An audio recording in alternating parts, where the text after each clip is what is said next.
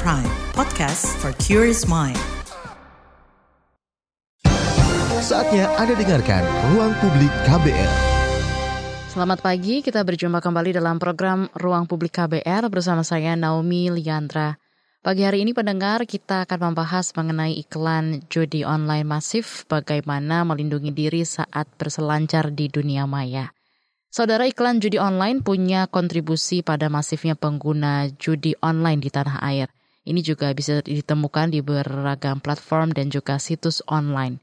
Survei Populix bertajuk Understanding the Impact of Online Gambling Ads Exposure mencatat sebanyak 84 persen responden mengamati bahwa iklan perjudian online ini sering kali masuk dalam konten-konten media sosial, situs web film, dan juga gaming serta konten para influencer yang melakukan promosi judi online.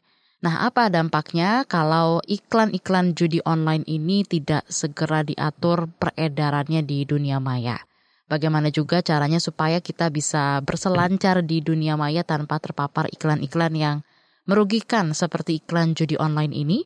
Kita akan perbincangkan pagi hari ini di ruang publik KBR bersama dengan Head of Social Research Populix, Vivi Zapki, dan juga Ibnu Dwi Cahyo, pakar keamanan data pribadi eksekutif Director Sibersehat Indonesia. Selamat pagi Mbak Vivi dan Mas Ibnu. Selamat pagi Naomi dan pendengar KBR.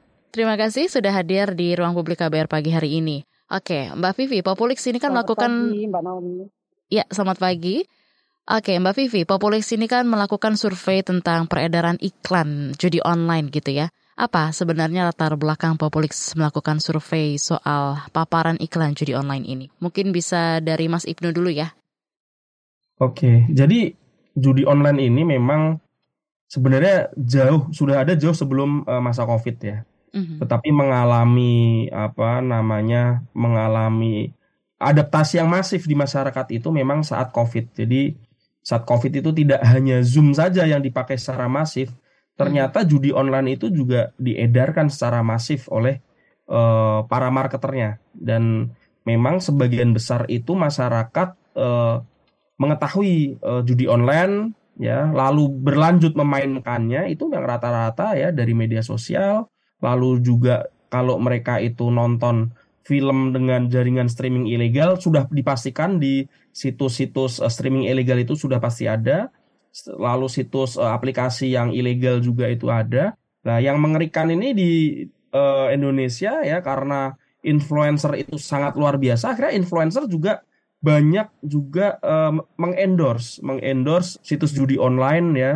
Uh, yang itu memang sebagian besar situs judi online itu mau namanya bahasa asing maupun namanya bahasa Indonesia ya itu sebagian besar itu ada di luar negeri dan judi online ini tidak hanya based on aplikasi misalnya kita hmm. main apa namanya main poker online hmm. atau kita main apa namanya bakarat online yeah. tetapi juga ada judi bola itu yang sangat masif okay. kalau kita misalnya ada di Facebook ya di Facebook itu banyak sekali akun-akun ya Facebook Instagram lah ya terutama mm -hmm.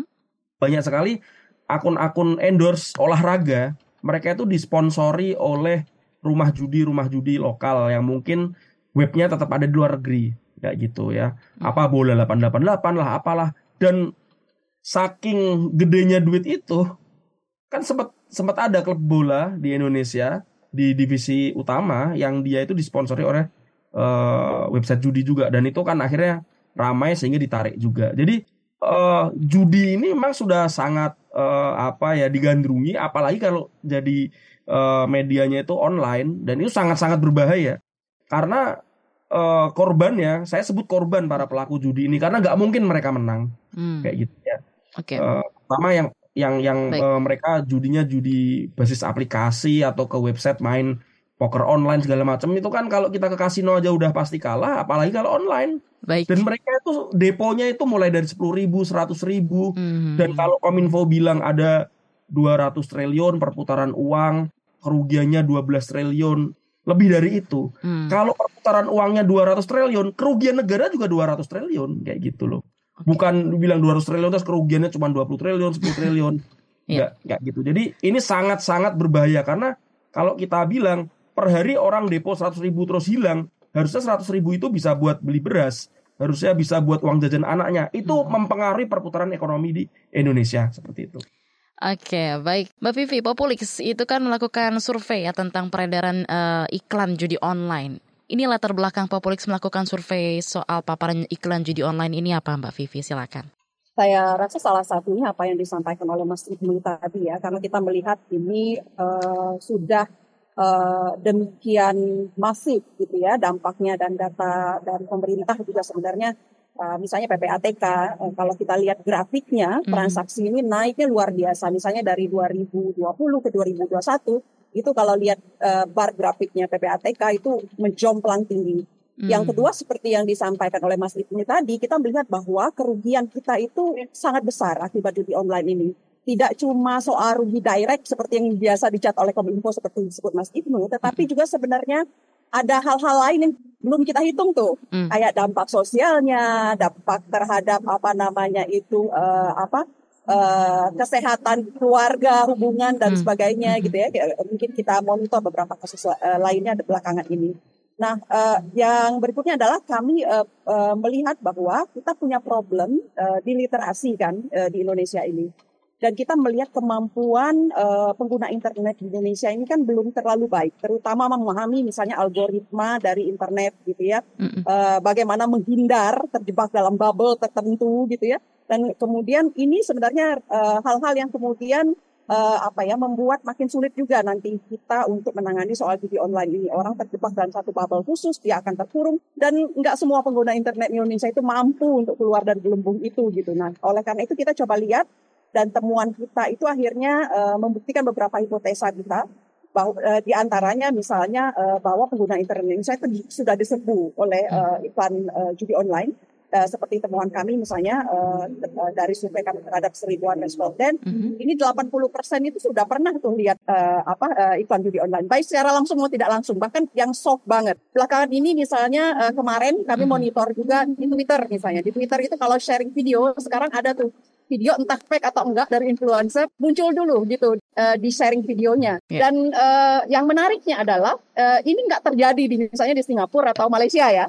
mereka uh, sudah bisa filter itu kita enggak masih bebas banget gitu. Nah itu ya salah uh, beberapa hal yang membuat kami uh, apa merasa bahwa kita perlu nih mulai pelan-pelan menggali uh, apa yang terjadi dan kemudian kita berharap nanti ya apa yang kami teliti ini bisa mensumbangsi uh, cara uh, usaha untuk melakukan antisipasi maupun pencegahan jadi secara sadar dan nggak sadar Mbak Vivi dan juga Mas Ibnu ya mencari nggak mencari kita pengguna internet itu sudah terpapar iklan judol dong ya berarti. Judi online. Betul, misalnya ini yang sederhana ya, kadang-kadang hmm. orang nggak sadar gitu sharing video. Kalau saat kita repost video, kadang-kadang tuh nongol uh, kayak watermark ya. Iya betul, harus di skip orang, ads gitu ya. Iya, orang nggak tahu gitu. Kadang-kadang nggak uh -uh. semua mengerti kan uh, bagaimana cara hmm. skipnya, gitu kan. Mm -hmm. Lalu harus uh, ditonton dulu, baru nah. selesai nah, di skip. Oke. Okay. Begitu sekali kita menonton, mm -hmm. kemudian kan algoritma internet itu membuat kita kemudian mm. disodorkan iklan yang serupa terus menerus. Oh, nah, kemudian kita masuk ke bubble yang disebut itu. Nah, bayangkan mereka yang tidak punya literasi yang cukup, ini keluarnya gimana menghindarnya? Nggak semua tahu gitu. Bahkan dalam beberapa hal aja kan, kita uh, mungkin secara sederhana algoritma mm -hmm. uh, bagi pendengar yang belum terlalu mengerti, mungkin ini adalah mm -hmm. kalau teman-teman misalnya lagi nyari di uh, apa market marketplace gitu ya mm -hmm. sepatu. Mm -hmm. Besoknya iklan sepatu yang nongol kan. Mm -hmm. Nah, sekali Anda misalnya klik gitu ya uh, iklan judi online, besok-besok nongol lagi gitu. Dan variasi iklannya itu banyak banget dan uh, saya rasa kita sebenarnya harus berkejaran ya dengan kecanggihan mereka yang mengelola judi online ini dengan trik mereka untuk masuk menjangkau uh, apa apa namanya uh, pengguna baru gitu mm-hmm. dengan antisipasi kita gitu mereka itu udah macam-macam mm-hmm. terakhir mungkin yang heboh mungkin Mbak Naomi dan teman-teman ya mungkin uh, monitor tentang influencer yang mm-hmm. suaranya diganti kan jadi pakai AI kan seolah-olah yes. dia mempromot di online mm-hmm. itu mereka memanfaatkan semua fasilitas teknologi gitu ya dan pencegahan menurut saya juga harus catch up dengan apa yang mereka lakukan gitu penjahat oh. dengan yang yang polisi yang ngejar mesti kan sama canggihnya gitu. Oke, okay, Mbak Vivi. Nah, Mas Ibnu, kira-kira uh, gimana ya bisa keluar dari bubble algoritma judi online ini? Ini kan kita kadang suka tanpa disadari terperangkap gitu ya. Kita ngeklik terus akhirnya algoritmanya itu sudah ke catch gitu kan. Lalu yang tampil itu lagi, itu lagi dan itu lagi. Seperti apa nih Mas Ibnu? Oke. Jadi memang kalau kita itu sekali misalnya kita searching ya, Yeah. Uh, karena karena kita misalnya kita masuk mau nonton film baru, tapi kita lewat uh, streaming ilegal. Okay. Di situ kan ada iklan, kita harus klik segala macam agar kita Banyak. bisa nonton.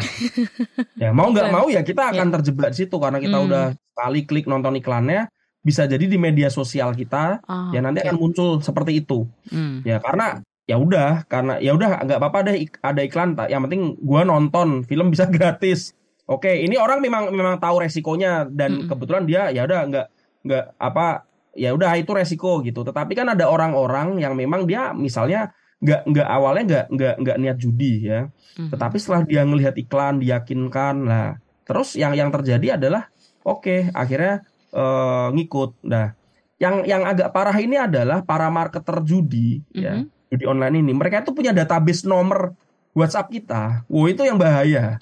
Dari mana mereka dapatnya? Ini dari kebocoran data. Hmm. Ada tahun 2020 bulan Mei kebocoran data Tokopedia itu hampir 92 juta user real kayak gitu. Saya cek data saya ada tuh 28 gigabyte. Lalu wow. ada data-data bocor yang lain. Mm -mm. Kalau mereka punya data itu kan tinggal download di internet dan sampai sekarang masih ada. Ya, jadi dari puluhan juta, ratusan juta data nomor WhatsApp aja mereka kirim aja tiap hari kayak gitu. Siapa tahu ada yang eh, apa namanya ada yang masuk. Nah, artinya apa? Kalaupun kita bisa misalnya ada edukasi keamanan cyber nih mm. di sekolah atau di lingkungan kita, bagaimana kita keluar dari bubble yang seperti mm -hmm. itu, mm -hmm. uh, apa namanya kita clear history segala macam, terus kita uh, memakai apa browser yang baru, mm -hmm. yang nggak ada historinya itu, kukinya dihapus. Tetapi di satu sisi nomor WhatsApp kita itu kita di ditawarin terus sama marketer judi online yang biasanya pakai profil foto mohon maaf mbak-mbak cantik gitu. Ya, dia pakai foto itu nawarin kita selamat pagi Pak Ibnu, bagaimana kabarnya? Mm-hmm. Ini terus kita ditawarin. Saya, saya sering hampir tiap hari masih dapat kayak gitu. Mm-hmm. Ya, ditawarin Bapak kalau depo satu juta nanti uh, saya bantu nanti kemungkinan uh, menang berapa juta kayak gitu. Padahal karena saya tahu Pak Ibnu balasnya apa nih? Pak Ibnu balasnya apa nih? Mas Ibnu balasnya apa nih? Langsung saya blokir. gitu. itu capek-capek ngapain ya gitu kan? Dan itu kan kemungkinan juga ya, mas, ya? Iya akunnya kan juga akun palsu kan, kan iya, ngapain bener. kita layanin kan kayak gitu okay. ya udah tapi kan masyarakat bisa jadi ditawarin kayak gitu yeah. ya percaya waduh hmm, fotonya hmm. mbak mbak cantik lagi percaya akhirnya dia nggak yes. pernah ngerasain judi online dia depo ke aplikasi satu juta hmm. ya dan biasanya yang berbahaya adalah yang membuat addicted hmm. adalah kita main 10 kali hmm. dikasih menang enam kali oh. seneng kita lanjut bikin lagi gitu ya nanti Ya, dari main 10 kali akhirnya kita cuma menang sekali dua kali. Hmm. Tapi kita penasaran. Terus kita depo depo depo depo depo. Ya, ya udah kayak gitu. Nah, itu, itu sudah pernah saya coba baik. dan memang kita nggak akan pernah bisa menang. Baik. Di awal-awal aja kita menang tapi ya. selanjutnya uh, persentase kemenangan kita tuh sudah pasti rendah. Dan kita akan terus depo depo depo dan habis duit kita. Itulah salah satu yang tadi disebut Mbak Vivi juga ya, ini problem literasi digital yang masih kurang juga. Oke, nanti kita bahas kembali Mbak Vivi dan juga Mas Ibnu di pagi hari ini dalam ruang publik KBR. Untuk Anda pendengar yang juga mungkin mempunyai pengalaman yang uh, serupa seperti kejadian di pagi hari ini, maksudnya uh, dengan iklan judi online yang masif gitu ya, yang sering Anda tonton tanpa Anda sadari. Bagaimana melindungi diri saat berselancar di dunia maya, kita akan bahas lebih lanjut. Ruang publik akan segera kembali. Masih Anda dengarkan Ruang Publik KBR. Commercial break. Commercial break.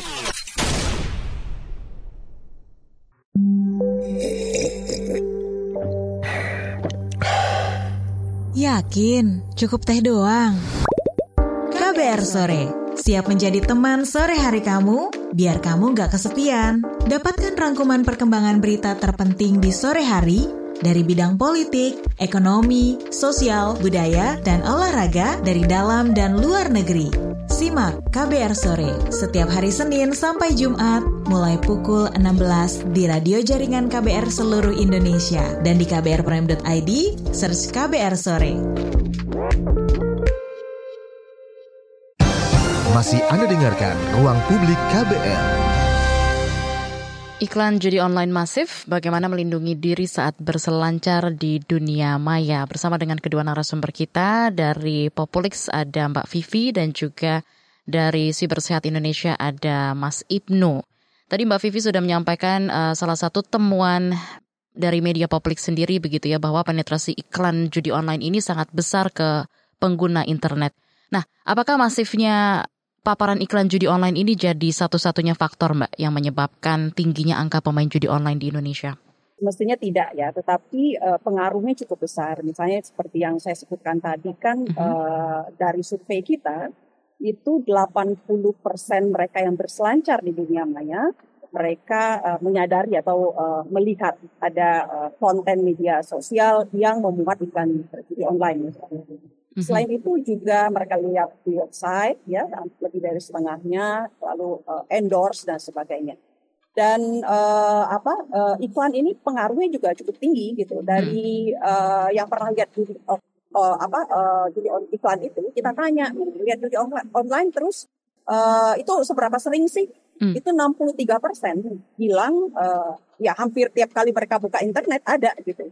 Bayangkan bagi mereka yang sudah uh, masuk tadi terkena algoritma itu tadi uh, akan makin sering tuh variasi makin banyak gitu. Nah uh, faktor lain sebenarnya tentu saja bukan cuma uh, soal uh, iklan ini gitu, tetapi juga kita kan nggak punya sistem yang uh, cukup baik bagaimana misalnya memfilter supaya iklan ini uh, nggak nongol gitu hmm, ya. Mm, Saya nggak tahu bagaimana mekanismenya. Semestinya polisinya bisa dibuat. Nah, contohnya seperti saya contohkan tadi di Twitter gitu ya. Mm, uh, setiap kita share video tuh bisa nongol iklan gitu. Yeah. Tapi kenapa kalau yang Singapura, Malaysia enggak gitu.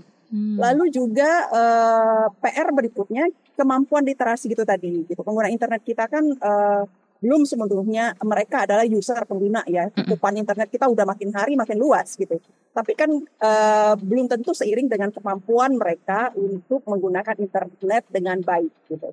Mm. Nah, uh, jadi menurut saya sih uh, banyak faktor, tetapi uh, soal keberadaan iklan gitu ya, bagaimana mereka gencar promote itu benar-benar sesuatu yang harus diwaspadai oleh pemerintah. Oke, okay, baik. Tambahan dari Mas Ibnu mungkin berkaitan dengan uh, paparan iklan judi online ini jadi satu-satunya faktorkah yang menyebabkan tingginya angka pemain judi online di Indonesia? Uh, itu satu hal, tapi hal lain yang juga nggak kalah penting adalah para pemilik judi online ini bebas-bebas saja di Indonesia sampai sekarang. Ya meskipun alasan utamanya adalah websitenya ini dia uh, servernya di luar negeri, oke. Okay.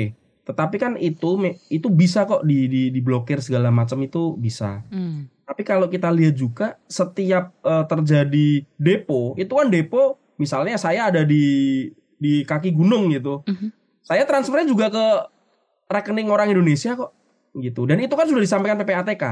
Okay. Nah, tinggal bagaimana dari uh, pihak Kominfo dan kepolisian ya, itu sikat-sikatin aja itu rekeningnya. Artinya kan follow the money aja. Mm. Ya, tinggal follow the money ya, itu bisa kok seperti itu. Karena ya meskipun uh, servernya ada di luar negeri tetapi mereka ini operasional juga di Indonesia gitu mm-hmm. artinya apa oke tadi mereka itu ngiklan loh mm. ngiklan di Facebook ya ngiklan di Instagram dan betul tadi kalau kita di Twitter kita posting video misalnya video yang kita posting tuh nggak ada iklan judinya tapi kalau video kita itu viral mm-hmm. dan uh, itu biasanya ada muncul tambahan iklan kayak gitu yang dilihat oleh orang lain Artinya apa?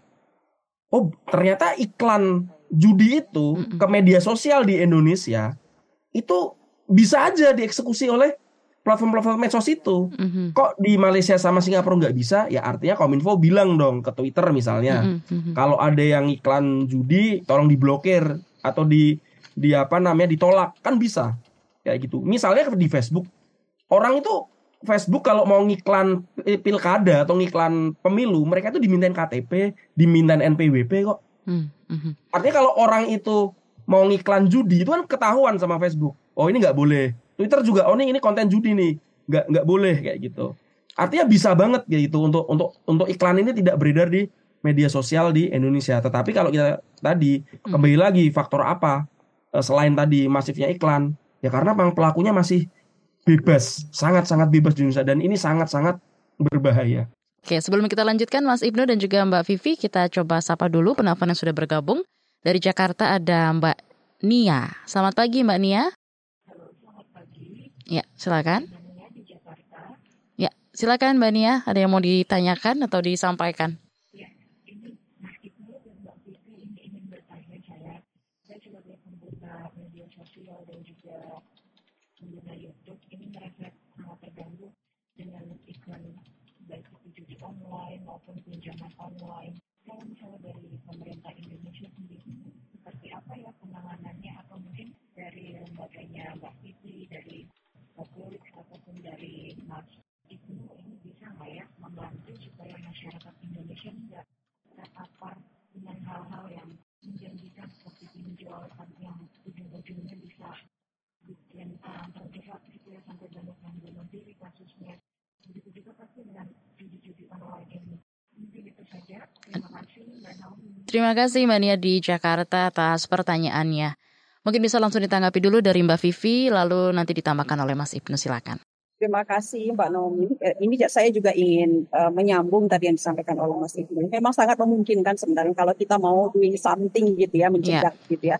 Tadi kan uh, rekening yang ditransfer ya rekening di sini-sini juga seharusnya bisa dimonitor. Hmm. Yang menarik temuan kami dari survei sebenarnya kita tanya nih ke mereka yang sudah uh, apa uh, ada 14 persen karena kita tanya uh, pertama kita tanya mereka lihat di iklan berapa banyak, mereka yang klik uh, dari situ kita tanya kamu klik nggak gitu, kamu klik kamu transaksi nggak? Nah yang transaksi ini kita tanya, kamu pakai apa? Mereka pakai e-wallet lebih hmm. dari 60 persen pakai e-wallet dan e-wallet loh. Jadi artinya sangat memungkinkan sebenarnya kalau mau melakukan pencegahan gitu ya, hmm. uh, dan itu bisa gitu. Jadi tinggal menurut saya sih tinggal mau atau nggak mau aja gitu ya. Hmm. Sama seperti Mas Ibnu bilang, orang pemain minum di sini kok gitu, regulasi kita ada gitu ya. Jadi sangat bisa gitu. Lalu apa yang bisa kami lakukan gitu kalau kami di uh, apa riset ya yang yang melakukan studi tentu saja kita berusaha membantu dengan showing data kayak gini gitu. Hmm. Kita akan ya semacam warning lah. Ini loh kenyataannya kayak gitu loh. Ini yang bisa uh, apa namanya itu uh, yang terjadi. Dan uh, sebetulnya dari riset-riset semacam ini sebenarnya kalau bagi uh, policy maker gitu ya, kalau mau melakukan doing something udah kelihatan sebenarnya apa way outnya mau ke mana kayak gitu kayak tadi gitu ya kita lihat oh mereka pakai e-wallet gitu ya 63 persen pakai e-wallet transaksi mereka transfer gitu kan. Artinya ada pihak-pihak stakeholder yang mereka bisa identifikasi untuk diajak melakukan pencegahan itu gitu. Nanti kami juga bisa show sebenarnya seberapa jauh gitu ya uh, dalam. Kami juga tanya sebenarnya selain anda gitu anda tahu nggak di lingkungan anda yang terkena? gitu. Hmm. itu udah kelihatan tuh. Mereka bilang oh iya ada sekitar berapa orang? Tiga sampai lima orang tuh katanya. Hmm. jadi kita lihat dalam satu komunitas pun sebaran mereka yang udah kena atau pernah nyoba judi online udah besar. Artinya sebenarnya kurang apa lagi gitu untuk melakukan sesuatu. Masifnya udah gitu ya. Uh, data PPATK misalnya PPATK bilang gitu kan, ini nih uh, transaksinya kebanyakan di bawah 100 ribu gitu ya. Artinya yang kenakan menengah bawah gitu. Dan ini kan sudah kelihatan, kita udah punya masalah di sini gitu. Ya data udah jelas gitu ya. Sebenarnya banyak hal yang bisa dilakukan dari situ gitu. Dan kita tahu siapa yang kena gitu ya, profilnya ada gitu ya lewat mana gitu. Jadi uh, menurut saya sih sangat memungkinkan untuk uh, melakukan pencegahan dan juga ya. menindak perilaku ini. Menyambung dari Mbak Vivi, gimana nih Mas Ibnu? Mungkin serupa juga ya jawabannya atau ada tambahan lain silakan. Memang kalau online ini sekarang kalau menurut saya ancamannya betul sih. Ya. Judi online sama uh, pinjol ilegal ya. Karena itu ancamannya itu nggak hanya ke pribadi-pribadi kita, tetapi secara makro itu membahayakan perekonomian negara juga. Hmm. Nah, kalau kita bicara soal pinjol, itu urusannya OJK sebenarnya. Itu hal yang sangat-sangat mudah sebenarnya. Cuman OJK ini kan dia punya punya kewenangan penyidikan juga. Jadi polisi nggak nggak bisa sendirian. Jadi kalau mau ada tindakan apa itu OJK bareng polisi. Nah, hmm. kalau terkait uh, judi online ini kepolisian dan kominfo bisa langsung bahkan tanpa misalnya tanpa kominfo harus minta kepolisian ya kepolisian bisa bisa lakukan sendiri juga. Ya misalnya kita lihat kalau pihak kepolisian itu e, melakukan apa namanya penangkapan pelaku sabung ayam gitu kan. Kan sering tuh di berita. Kepolisian juga bisa e, e, apa melakukan penangkapan terhadap para pelaku judi online. Dan itu saya belum pernah lihat e, apa e, kepolisian kita menangkap secara masif ya para pelaku judi online itu belum pernah saya lihat.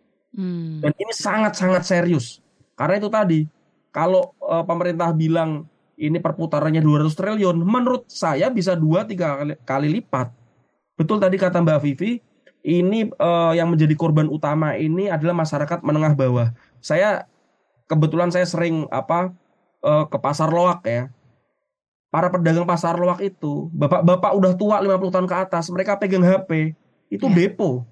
Dapat duit langsung depo mereka Mereka langsung main bakarat online, poker online itu hmm. udah harusnya duitnya buat keluarga, buat beli beras itu akhirnya buat kayak kayak gitu hilang-hilang juga. Saya tanya, emang dapat pak? Ya kadang menang, kadang enggak. Mereka tahu mereka rugi, tapi hmm. mereka seneng aja kayak gitu.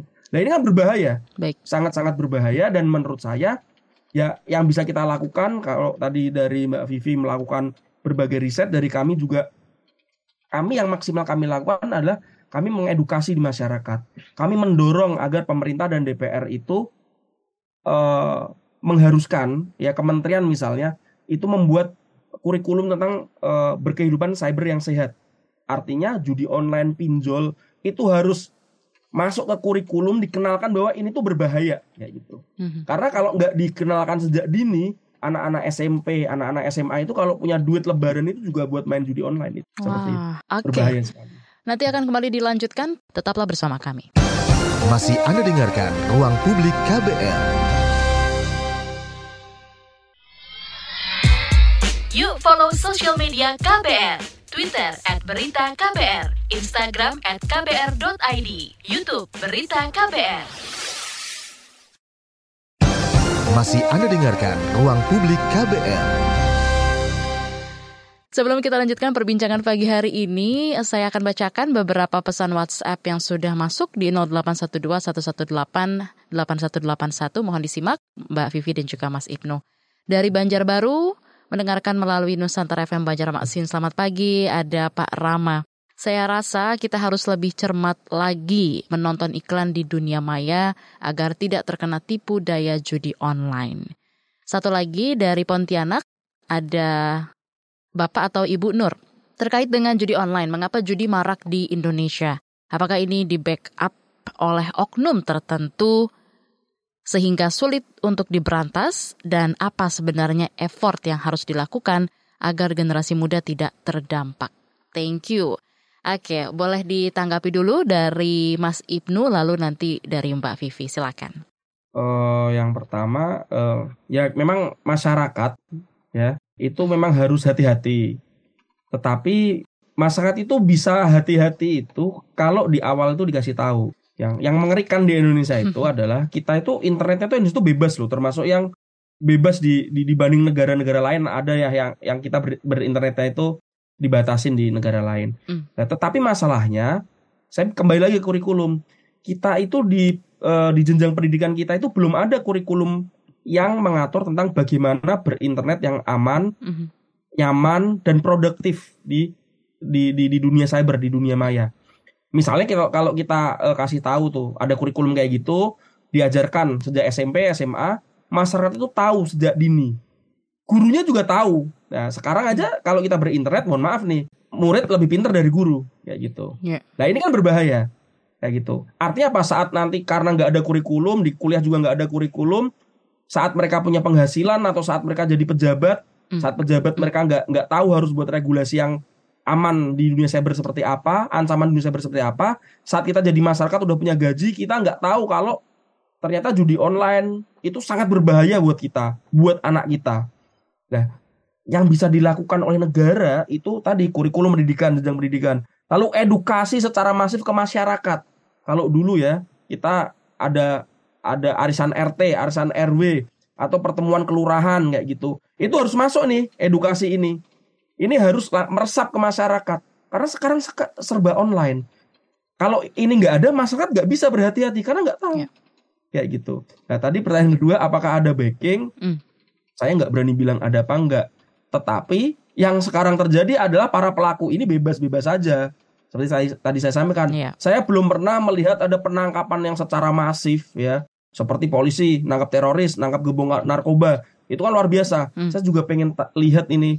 Polisi aparat kita menangkap uh, apa namanya uh, para pelaku judi online. Karena SDM-nya tuh banyak. Dan mereka kemampuannya juga luar biasa ya. Ya bisa jadi di Jakarta juga banyak kayak gitu ya. Mungkin di apartemen mungkin di perumahan-perumahan yang apa kosong itu yang perumahan-perumahan besar yang kosong. Ada kayak gitu. Sehingga ini akan menumbuhkan optimisme saya, optimisme masyarakat bahwa negara itu hadir melindungi masyarakatnya. Kalau negara tidak membuktikan keberadaannya untuk melindungi masyarakat, ya masyarakat akan selalu jadi korban seperti itu. Oke, baik, thank you Mas Ibnu jawabannya dari Mbak Vivi. Gimana nih Mbak?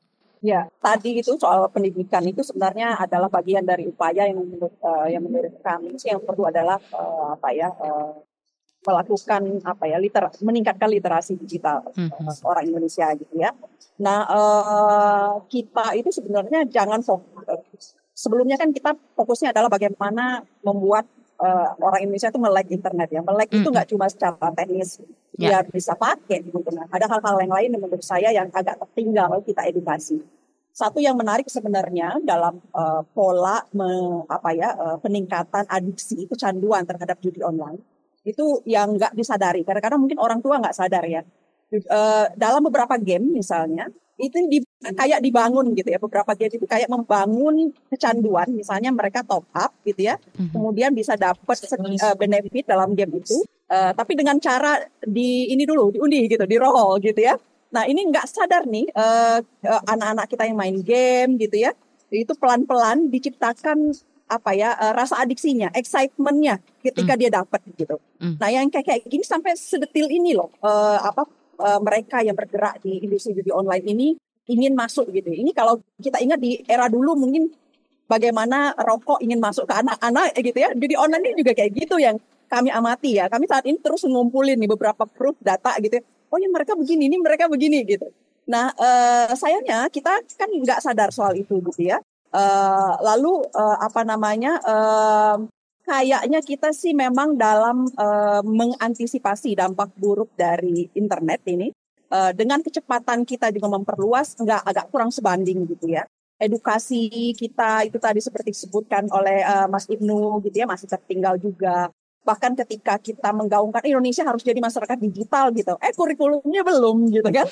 Nah ini gimana nih iya. gitu apakah uh, ketika kita ngebangun jaringan internet di pelosok-pelosok gitu ya uh, eh ini belum nggak diajarin kesiapan ketika itu terbuka gitu. Nah uh, takutnya nanti kalau kita nggak nggak nggak segera melakukan sesuatu adalah kita bukannya dapat manfaat baik dari internet lebih banyak gitu, mm -hmm. tapi kita lebih banyak dapat kerugiannya. Ini kan udah kelihatan nih misalnya pencurian data pribadi lah kayak gitu ya, yang terjerat pinjol lah sampai mm. kemarin terakhir ya yang uh, kita dengar kabar duka ada yang korup uang hmm. uh, apa pemilu gitu ya. Yeah. Terus ada yang bunuh diri dan sebagainya gitu. Kerugiannya sudah sangat sangat besar. Menurut saya saat ini uh, ya momentum kita untuk bergerak melakukan sesuatu gitu. Oke, okay. baik. Saya akan bacakan lagi dua pesan WhatsApp yang sudah bergabung. Ada dari Surabaya ada Pak Reynald. Saat ini iklan judi online ada di aplikasi seperti YouTube. Bahkan masuk juga ke game dan tahun lalu sempat ada kasus streamer game online terlibat dalam mengiklankan judi online. Gimana kemudian orang tua bisa mantau anak-anak supaya nggak terus jerumus iklan judi online? Apakah game itu sudah jadi keseharian mereka saat ini? Satu lagi dari Yuli di Lombok. Ibu Yuli di Lombok, teman saya pernah cerita kalau dia pernah coba-coba judi online karena penasaran dan pengaruh iklan. Untungnya dia tidak terjerumus, tapi kontaknya sudah tersebar dan kadang-kadang dia menerima SMS yang menawarkan judi online. Meski teman saya tidak main judi online, masyarakat lain bisa berbeda dan terjerumus. Apa nggak bisa judi online ini dimatikan aja supaya nggak ada korban? Dari uh, tanggapannya Mas Ibnu dulu mungkin ya bisa langsung dijawab. Ya itu tadi kalau terkait iklan yang lewat saluran resmi ya di YouTube itu atau media sosial yang lain itu bisa kok pemerintah tinggal bilang ke platform untuk uh, apa namanya iklan-iklan itu tidak hadir. Kalau setahu saya ya kalau YouTube itu iklan judi online sepertinya sudah nggak ada ya, ya seperti itu.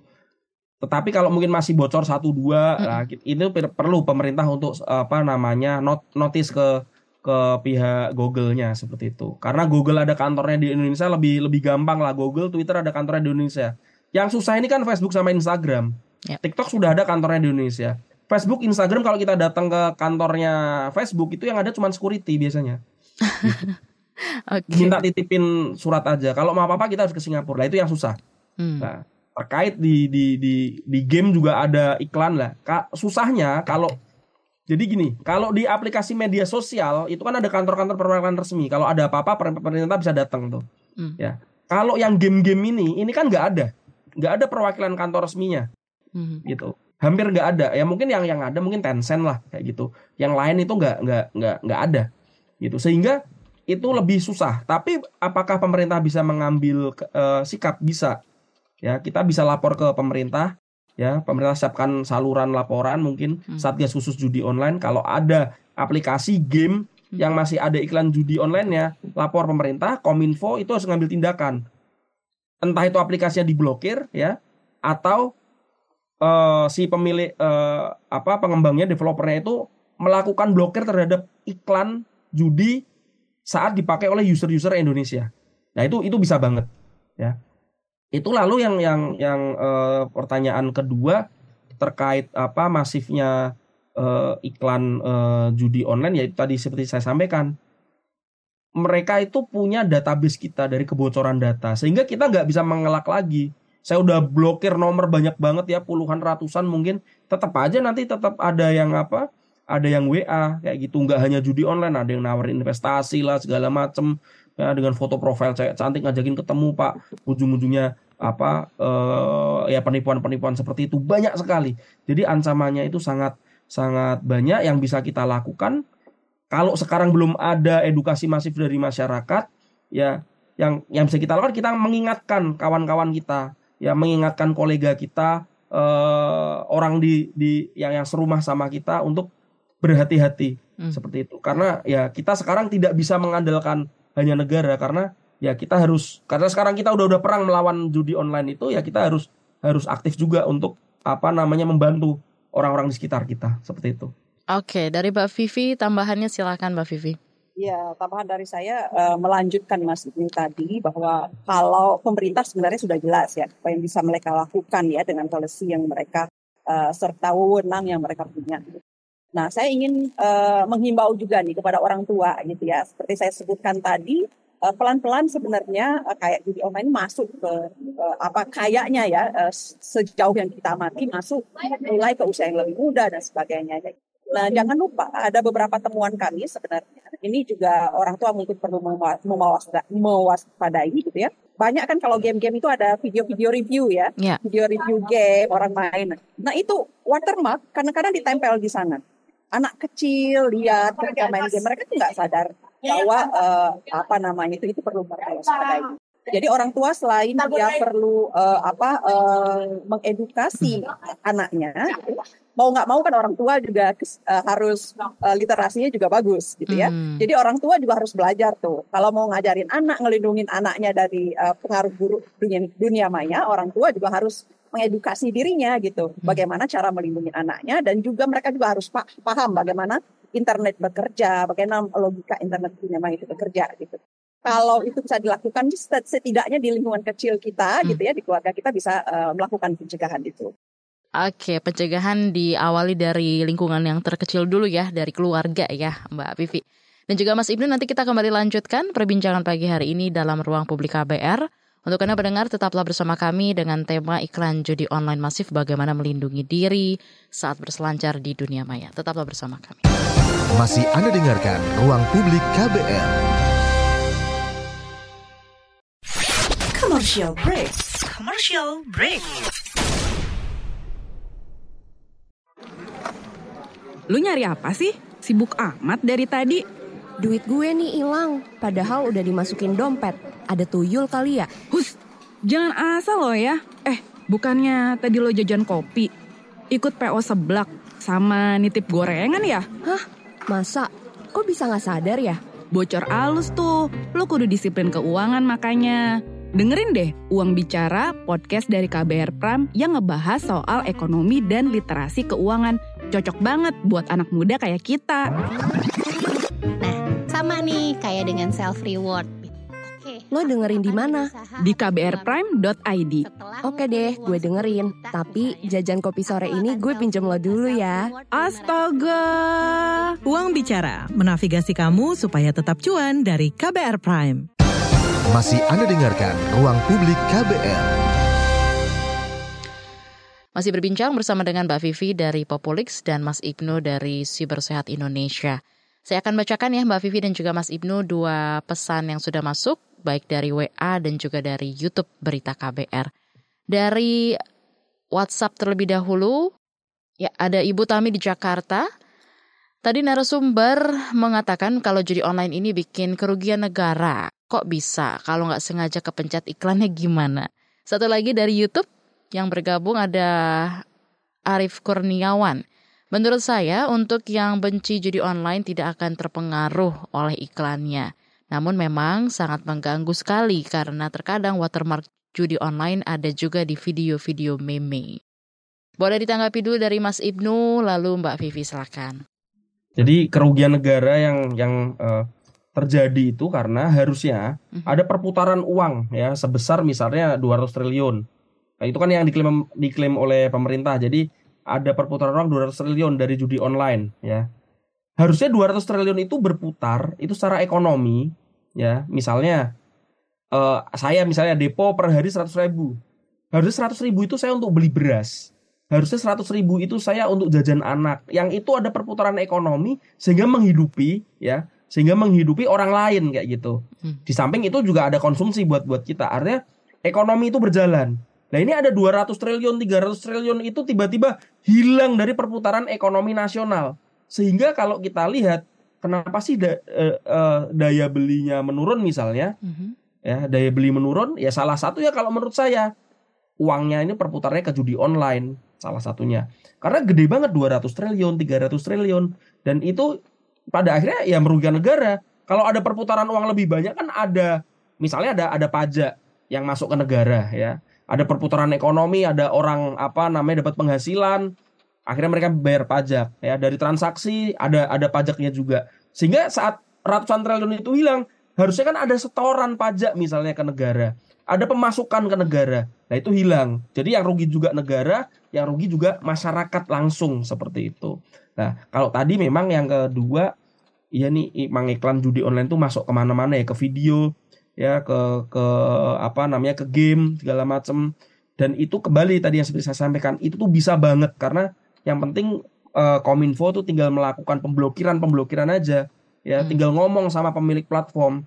Apalagi kalau cuman uh, buat ngeblokir satu dua aplikasi itu gampang banget kominfo itu ya jadi kalau ada aplikasi yang ternyata isinya itu iklannya iklan apa iklan uh, judi online misalnya ya ya udah disikat aja langsung itu gampang hmm. cuman uh, kadang birokrasi kita itu yang yang agak-agak agak lama kayak gitu kalau dulu kan kominfo membuat yang namanya website khusus untuk laporan uh, apa uh, website hoax kominfo juga bisa dong membuat kanal laporan untuk uh, judi online. Karena yang mengerikan, yang tadi belum sempat saya bahas juga, judi online itu juga kenapa masif dan susah diberantas juga karena mereka menyisipkan alamat-alamat judi online-nya itu di situs-situs pemerintah, di situs-situs uh, kampus bahkan. Mm. Ya, kalau kita lihat ya setahun ke belakang ini banyak sekali situs judi online itu nyelip ke websitenya pemerintahan daerah, yeah. ke kementerian bahkan juga sempat ke kampus-kampus lah. Ini yang memang harus uh, ditindaklanjuti oleh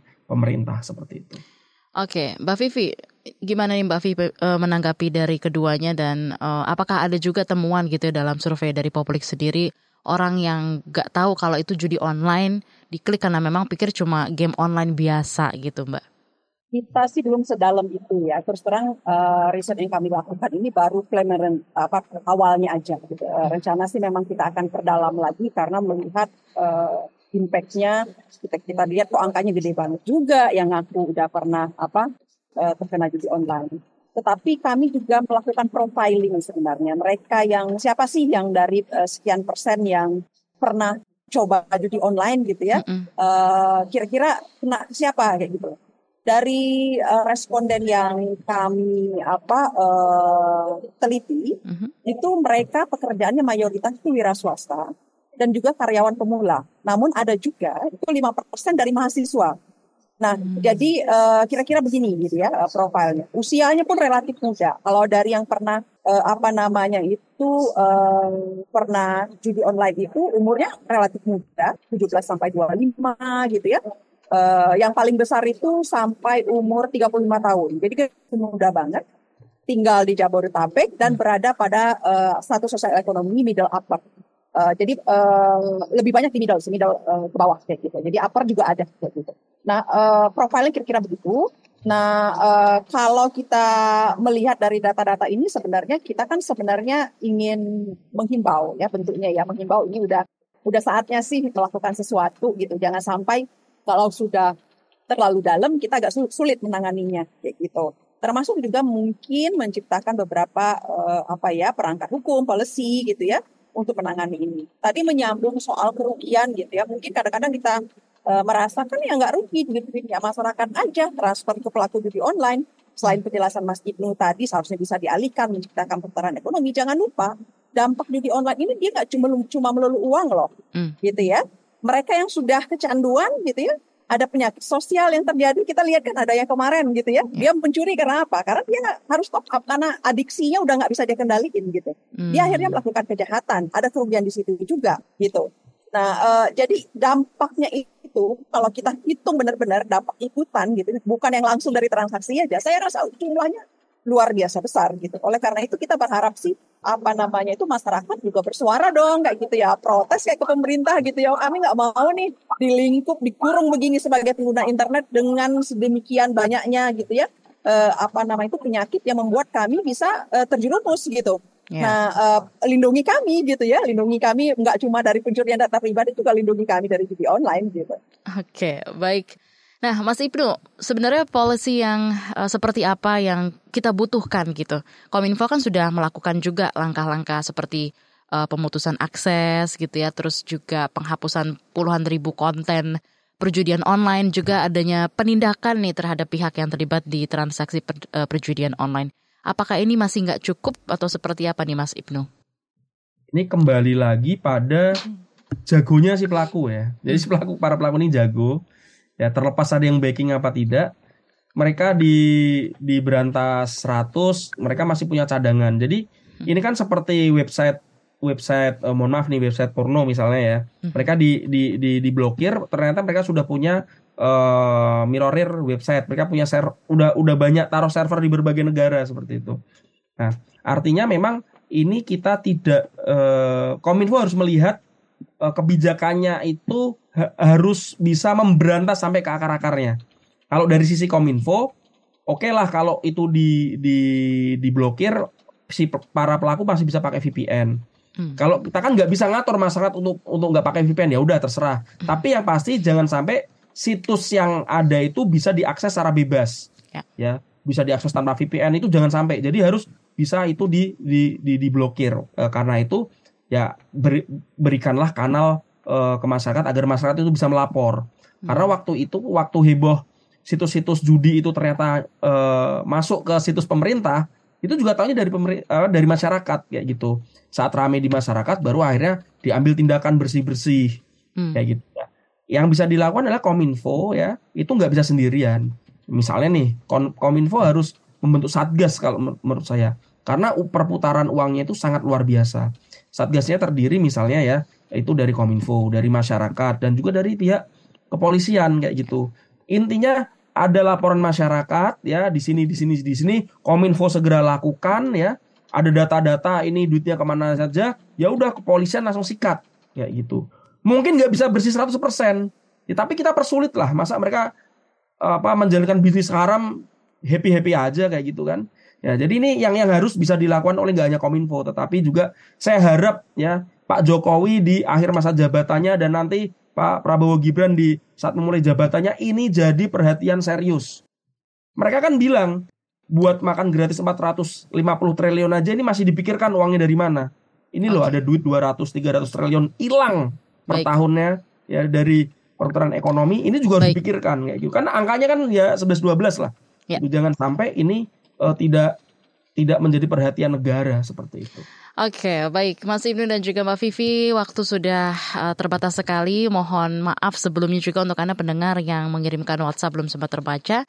Namun terakhir pesan uh, dari Mbak Vivi mungkin bisa disampaikan satu menit untuk menutup perjumpaan kita di ruang publik pagi hari ini. Silakan Mbak Vivi. Ya, saya ingin menghimbau sih untuk masyarakat aja. Gitu. Kalau pemerintah mungkin Mas Ibnu lah jatahnya nanti kejar-kejar ya. Jadi ke masyarakat sih, uh, menurut saya sih penting ya, uh, Bapak Ibu, ini meningkatkan literasi digital masing-masing gitu. Jadi kalau mau mencegah anaknya terlibat, ya mulai dari dari sekarang tingkatkan pengetahuan kita bagaimana internet itu bekerja gitu. Jadi sih kita bisa mencegah nggak cuma judi online, tapi juga dampak buruk lainnya dari internet gitu. Itu saja sih ajakan saya. Terima kasih Mbak Naomi. Terima kasih Mbak Vivi dari Mas Ibnu. Singkat saja 30 detik karena waktu terbatas silakan bisa disampaikan. Oke, uh, buat masyarakat dan teman-teman uh, pendengar KBR, kalau menemuin uh, kolega atau saudara orang di rumah yang main judi online langsung ingatkan kalau bisa kalau bisa langsung ditampar hei bangun rugi kamu kayak gitu okay. karena kita nggak nggak bisa memaksa yang bisa kita adalah ya udah yeah. ingetin teman-teman kita saudara-saudara kita agar ya kalau mereka terus main judi online nanti lama-lama minjem duit kita juga kan. Baik, terima kasih banyak untuk kedua narasumber pagi hari ini ada Mbak Vivi Zapki, Head of Social Research Populix, kemudian juga ada Mas Ibnu Dwi Cahyo, pakar keamanan data pribadi, Executive Director Sibersehat Indonesia. Untuk waktu Anda berdua di ruang publik KBR pagi hari ini. Saya Naomi Leandra pamit bersama dengan tim yang bertugas. Selamat pagi dan sampai jumpa. Baru saja Anda dengarkan Ruang Publik KBR. KBR Prime, cara asik mendengar berita. KBR Prime, podcast for curious mind.